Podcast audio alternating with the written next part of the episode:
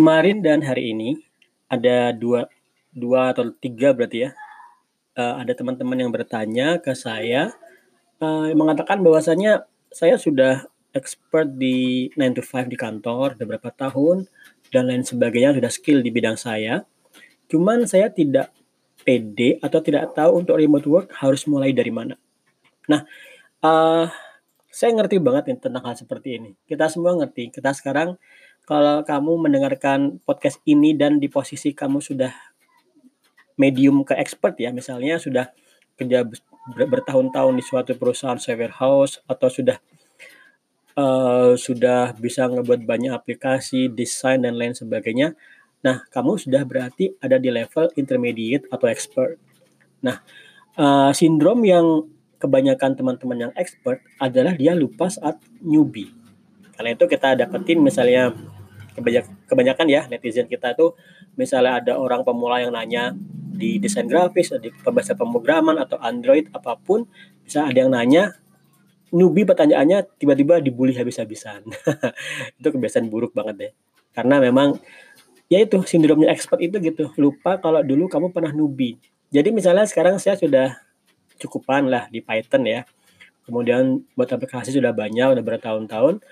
Maka saya sudah kalau saya nggak sengaja mengingatkan diri saya sendiri, saya bisa lupa bahwasanya dulu saya sekadar membuat hello world di Python aja bingung. Atau cara mem memahami sebesar apa sih Python itu, eee, luasnya bahasa bahas scope-nya itu susah karena pemula banget. Nah, karena itu, mmm, halnya hal yang sama berlaku di remote work. Menjadi newbie itu seperti kamu, eee, keluar dari rumah mau menempuh jalan yang baru, tapi jalannya lampunya mati. Atau kamu pakai mobil tapi mobilnya lampunya mati. Kamu bisa menggerakkan setir, menggerakkan, eee eee, kopling, gas dan lain sebagainya kamu bisa, cuman lampunya mati. Nah, eee, mentoring di remote worker.id ini adalah untuk berlak akan menjadi, eee, lampumu yang di mobil yang tadi jalannya lampunya mati itu. Jadi kita akan menerangi jalanmu. Kenapa? Karena karena kita udah tahu dan udah pernah ngalami sakit pahitnya kerja remote work di awal-awal. Kami dulu juga kebanyakan kami ini, eee, dari awal tuh otodidak ya, kemudian coba-coba aja deh.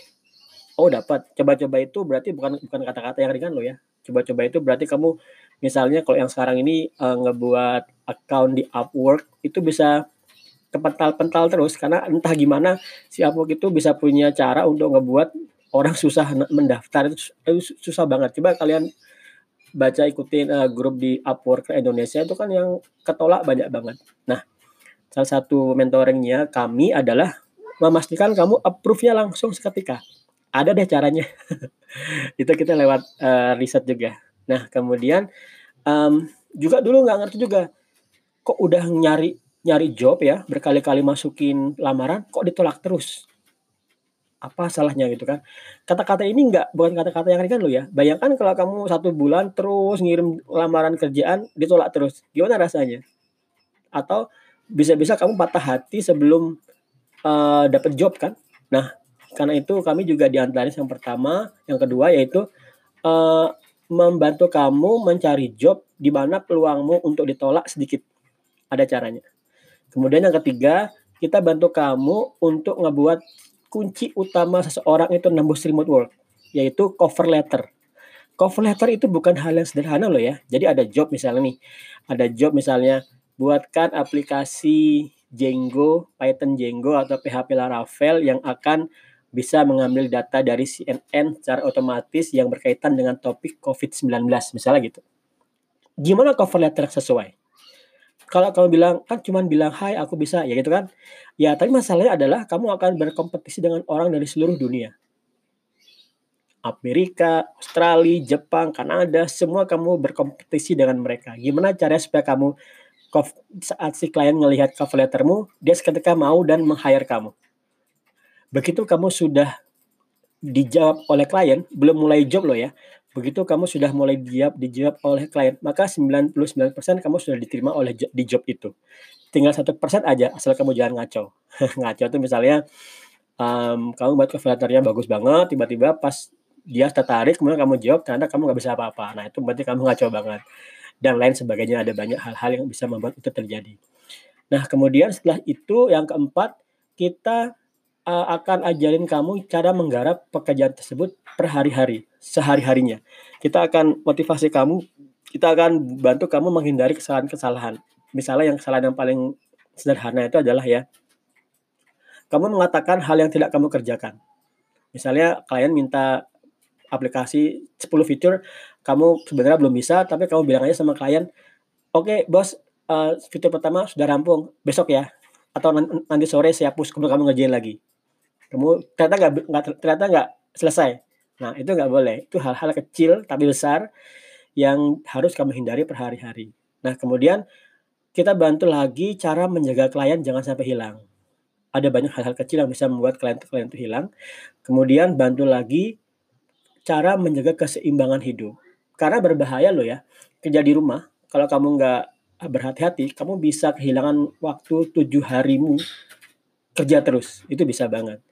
Nah, yang menarik lagi setelah kamu berhasil menjaga semua itu adalah cara bagaimana kamu punya tim cara mendelegasikan pekerjaan. Cuma untuk bagian yang ini nggak semua orang bisa sih. Saya paham ini karena menjadi pemimpin, menjadi leader tim itu bukan hal yang mudah di mana semua orang itu bisa. Nah, kemudian lagi terakhir adalah intinya adalah kami ingin membantu kamu untuk lebih bahagia dalam menjalani hidup.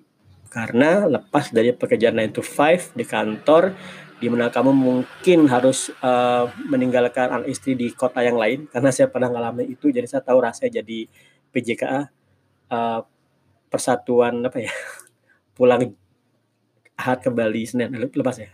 Kayak gitulah. Oke teman-teman itu aja. Jadi intinya adalah kami akan bantu kamu untuk memulai karir remote work menjaganya mengembangkannya dan supaya kamu kemudian bisa menjadi mentor untuk orang lain. Oke thank you Selain itu, satu hal utama lagi, hampir kelupaan, layanan kami lifetime. Kenapa lifetime? Karena tiap orang berbeda-beda. Ada teman yang benar-benar bisa berhasil nembus remote work setelah dia kerja 9 to 5 skill dalam waktu tiga hari. Tapi ada waktu seminggu, ada yang sebulan, atau enam bulan. Kalau kamu bertanya, kok bisa lama banget? Karena sibuk. Karena saya tahu 9 to 5 itu sibuk banget, kemudian mungkin saat sudah mendaftar itu waktunya luang, tapi begitu sudah mulai mau mulai sibuk ternyata begitu, begitu mau mulai nembus work ternyata malah jadi sibuk banget lagi. Nah nggak bisa. Jadi karena itu layanan kami lifetime diskusi dengan kami lifetime materi yang bisa diakses lifetime jadi kami nggak usah khawatir kalau bisa kan ada tuh kalau bimbingannya yang ada batas waktu. Kita enggak lah soalnya itu juga akan merepotkan sekali bagi kamu kalau kamu kami ngebatasi kamu misalnya dalam waktu tiga bulan harus lolos kalau enggak dikeluarkan dari sistem. Kita enggak jadi lifetime don't worry